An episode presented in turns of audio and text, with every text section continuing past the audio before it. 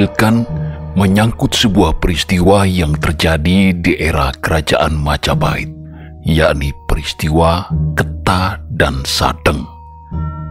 Literatur tetua yang menyebut adanya peristiwa ini adalah Kakawin Desa Warnana atau Negara Kertagama yang ditulis oleh Empu Prapanca, saksi mata langsung peradaban Majapahit yang hidup di masa Prabu Hayam Wuruk.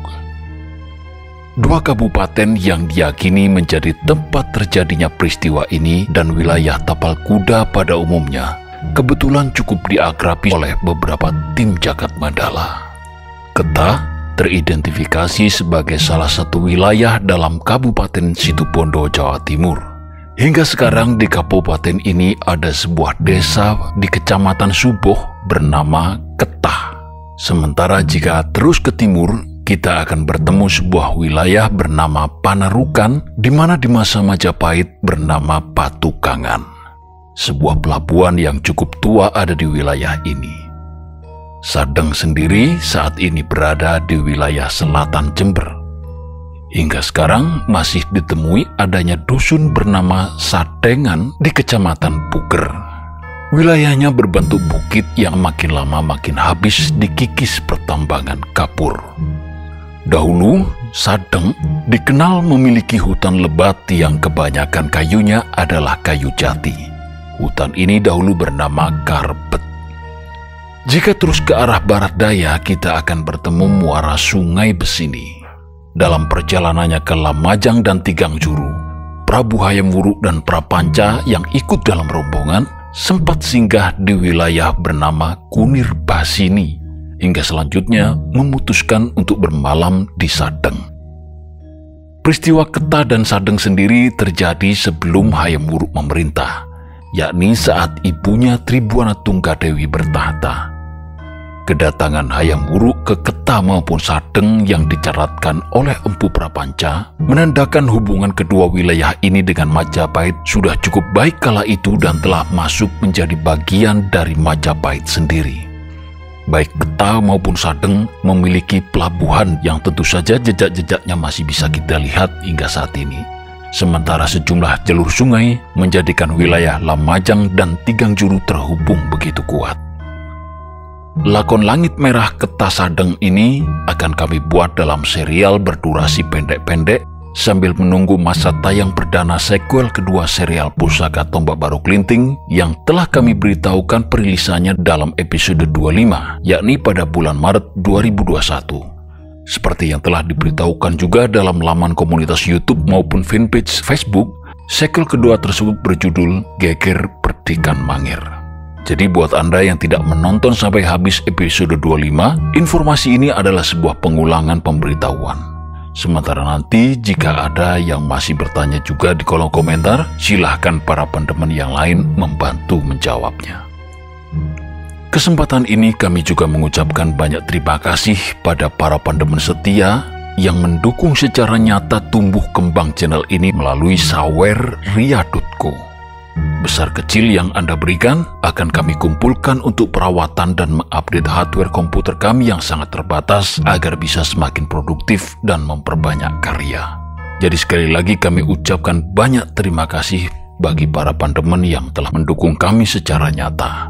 Jangan lupa untuk subscribe bagi para pendatang baru, menekan tombol like, dan menulis daftar hadir di kolom komentar. Selamat menyimak tayangan perdana Langit Merah Ketasadeng dan sukses terus untuk Anda sekalian.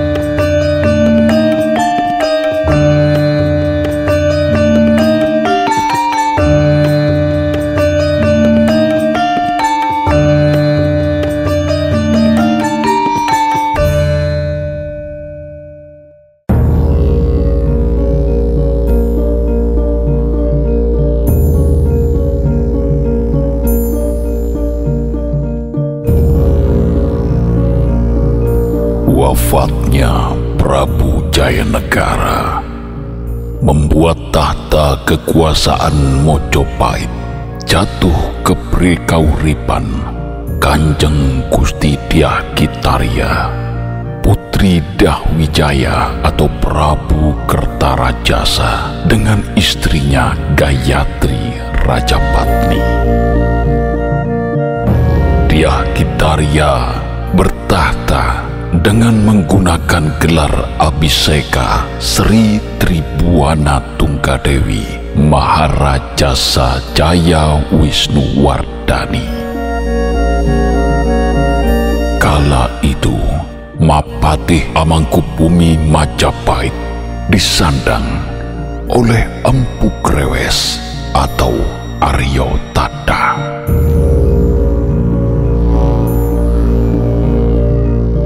Matahari baru saja naik ke singgasananya ketika Patih Daha Gajah Mada datang tanpa pengawalan ke dalam kepatian Amangkubumen. Dia datang memenuhi undangan Arya Tada.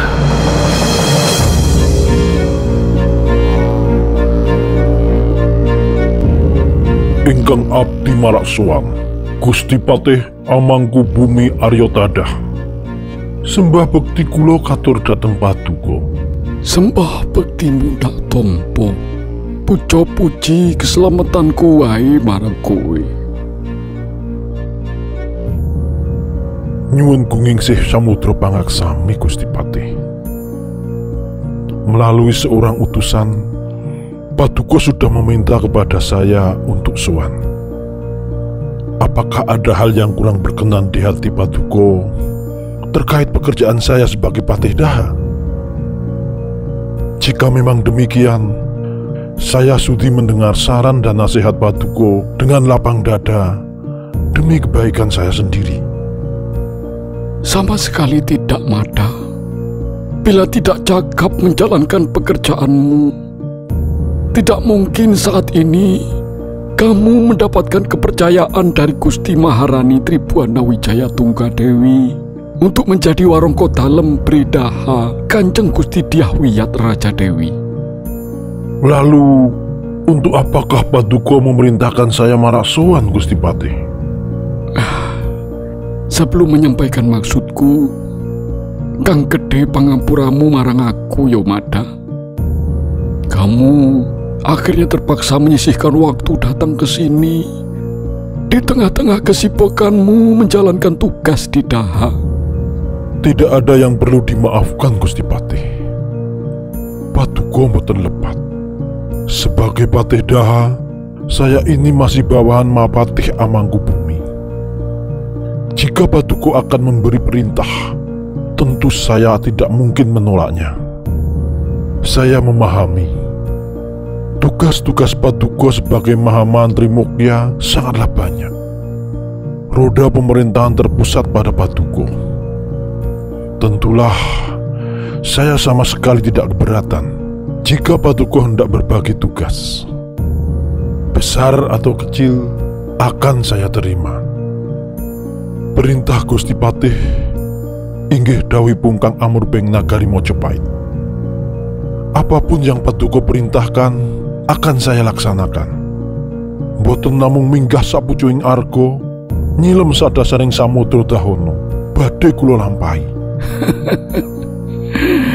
Pancen wicoksono kuwi mada.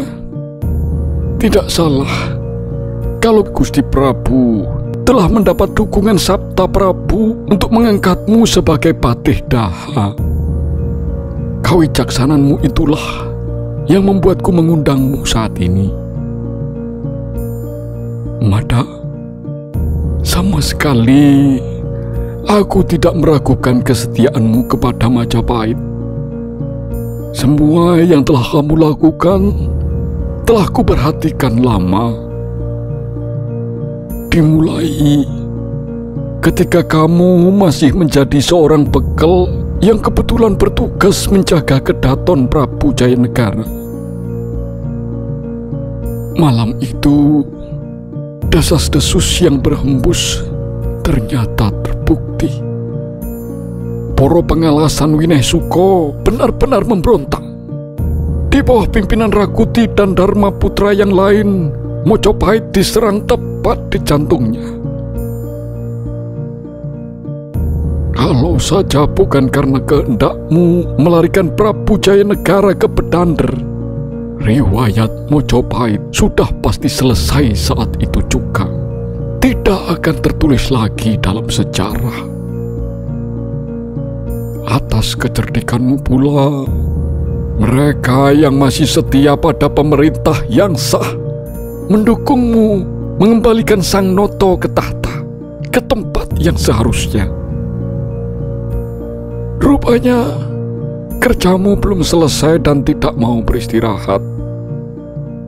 Kamu jugalah yang membersihkan seluruh prajurit Bayangkara maupun prajurit Getih Getah dari mereka yang terlibat pemberontakan Rakuti, baik langsung maupun tidak langsung. Baik yang telah mengangkat senjata maupun yang sekedar bersimpati pada para pemberontak itu. Kamu mengembalikan jati diri para prajurit yang sesungguhnya, yang tidak boleh mendua dalam berpikir maupun bertindak.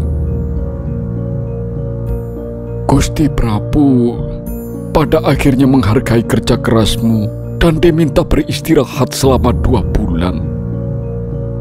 Tidak ada satupun abdi Mojopahit yang mendapat istirahat sekian lama, kecuali dirimu, Mada.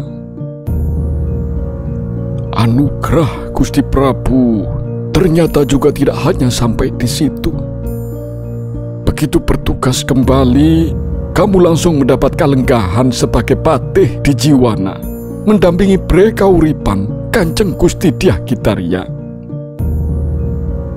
Dari seorang bekel Bayangkara menjadi patih dalam waktu singkat. Bukankah sesuatu yang luar biasa, Mada? Hanya dua tahun saja kamu di sana. Karena Titah kembali datang dari Sang Noto. Kamu dipindah menjadi patih di Daha, menggantikan patih Arya Tilam yang wafat. Kali ini, tugasmu adalah mendampingi Kanjeng Gusti Diahwiat Raja Dewi atau Pridaha. Jasa besarmu pada Mojopahit kembali tertoreh. Ketika kamu berhasil menangkap Ratanca yang telah membunuh Prabu Jaya Negara dengan taji bedah berkali-kali. Dan ketika tahta Majapahit saat ini jatuh ke Gusti Maharani Tribuana Wijaya Tunggadewi, baktimu juga tidak pernah berubah. Semua itu menunjukkan bahwa kamu memang luar biasa, Mada. Matur sembah nuwun, awet kapita dosanipun Gusti Patih dumateng ingkang abdi. Semua yang saya lakukan hanya memenuhi darmaning Satrio Nagari. Sebelum saya bergabung menjadi prajurit Mojopahit, saya telah bersumpah untuk setia pada negara, jiwa, dan raga. Bukankah memang demikian perilaku seorang prajurit sejati itu, Gusti Patih? Harus berdiri tegak bersama negara dan pemerintah yang sah, apa pun yang terjadi. Benar sekali, Mada. Aku betul-betul kagum karena sebagai prajurit maupun sebagai pegawai negara, kamu tidak pernah terpengaruh suara-suara sumbang di luar sana.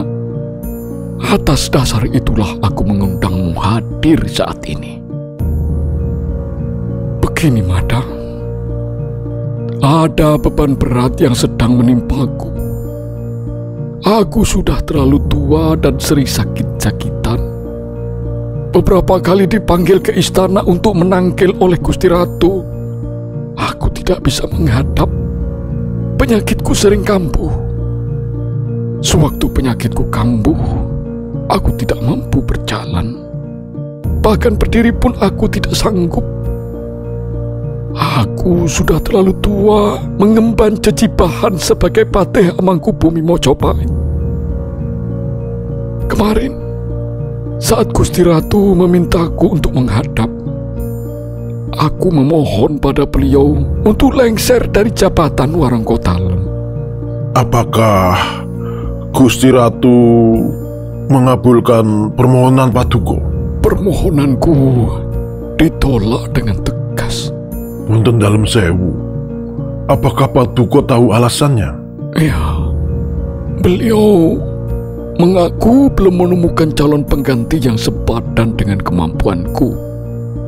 Karenanya mata, sepulang dari penangkilan, aku mencoba memilah-milih siapa saja yang memiliki kemampuan sepertiku.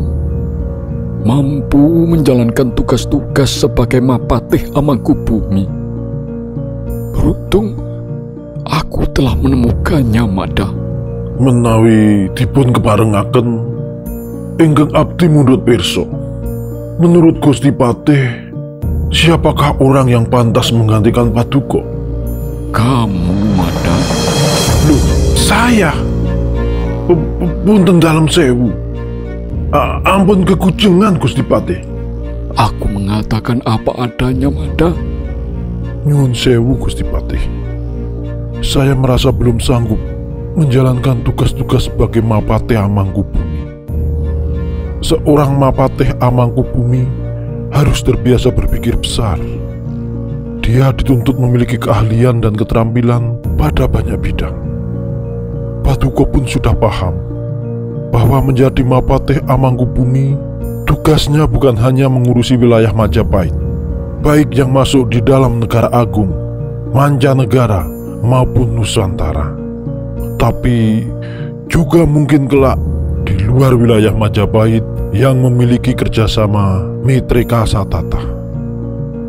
Saya sadar dengan sesadar-sadarnya Gusti Patih.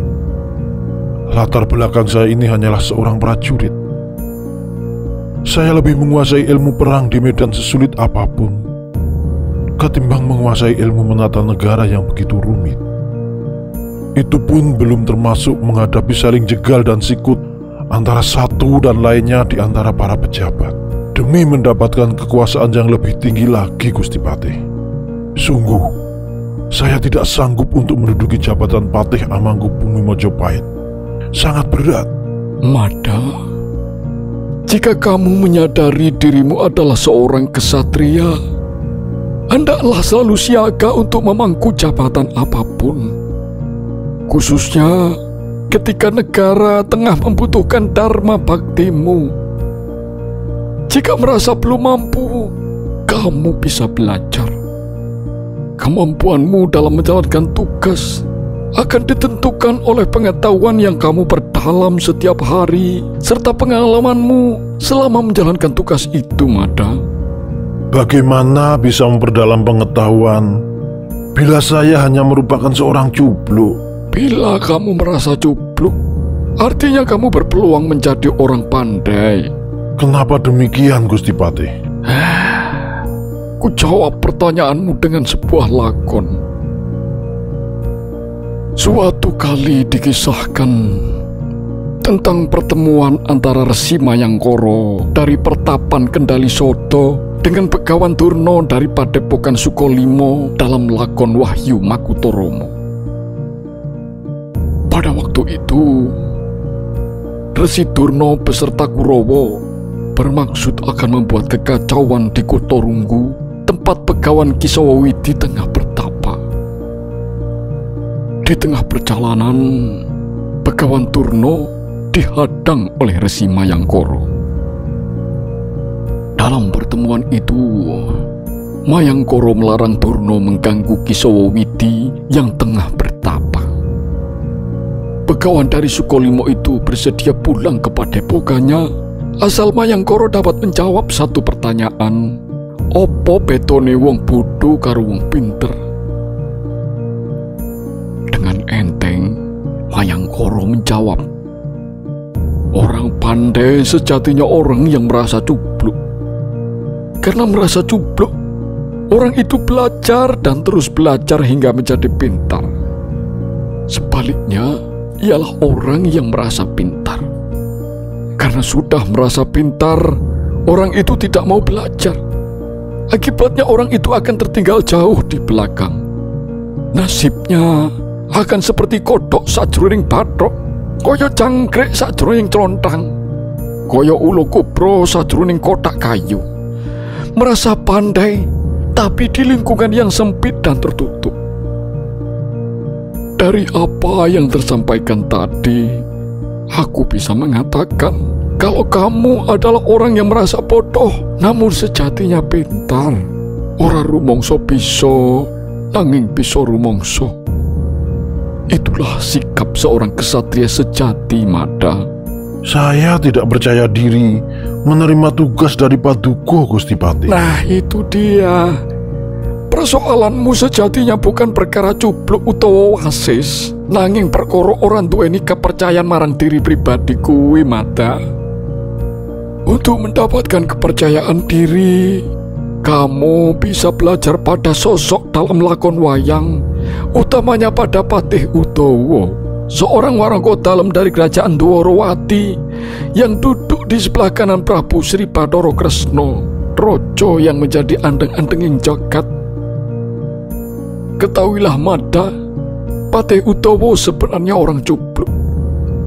Karena terbuka menerima wawarah dari orang-orang pandai, dia bisa menjalankan tugas dan kewajibannya sebagai warongko dalam dengan baik. Berkat banyaknya pengalaman, setiap pendapat dari Patih Utowo akhirnya selalu didengar oleh Prabu Sri Badoro Kresno. Hasil Patih Utowo pada akhirnya turut menentukan Abang Ijuni Projo. Oh, mekaten Gusti Pati. Iya, Mada. Lalu, apakah kamu masih tetap menolak tawaran untuk menggantikanku sebagai Mapatih Amangku Bumi Mojopahit? Seandainya kamu bersedia menggantikan kedudukanku, aku bersedia membantumu hingga kelak kamu bukan sekedar menjadi warongko dalam pajangan semata. Nanging melu ngerembuk ruwet rentenging projo menentukan kepentingan seluruh kaulo Mojopahit. Nyuwun gungi pangaksami Gusti Pati. Saya belum dapat memberikan jawaban yang pasti.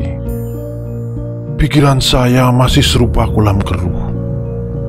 Bukan hanya Gusti Pati, saya sendiri juga memiliki beban pikiran saat ini. Loh, beban pikiran apa, Madam?